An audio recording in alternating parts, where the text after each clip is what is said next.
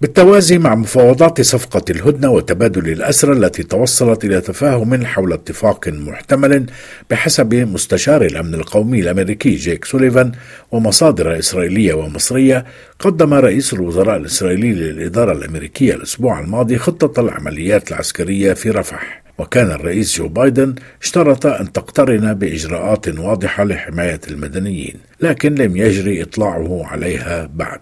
كذلك قدم بنيامين نتنياهو خطته لليوم التالي في غزة بعد تأخير دام أكثر من ثلاثة أشهر على الأقل.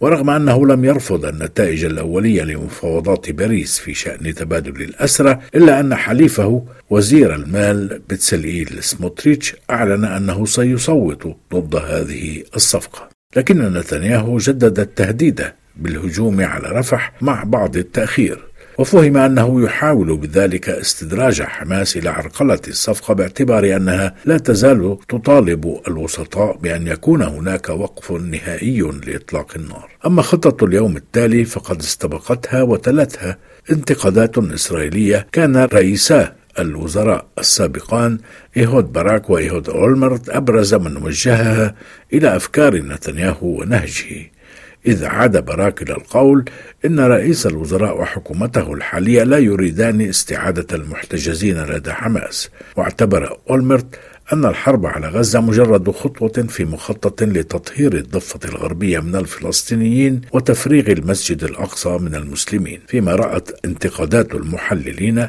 حتى الإسرائيليين أن خطة اليوم التالي هذه غير واقعية.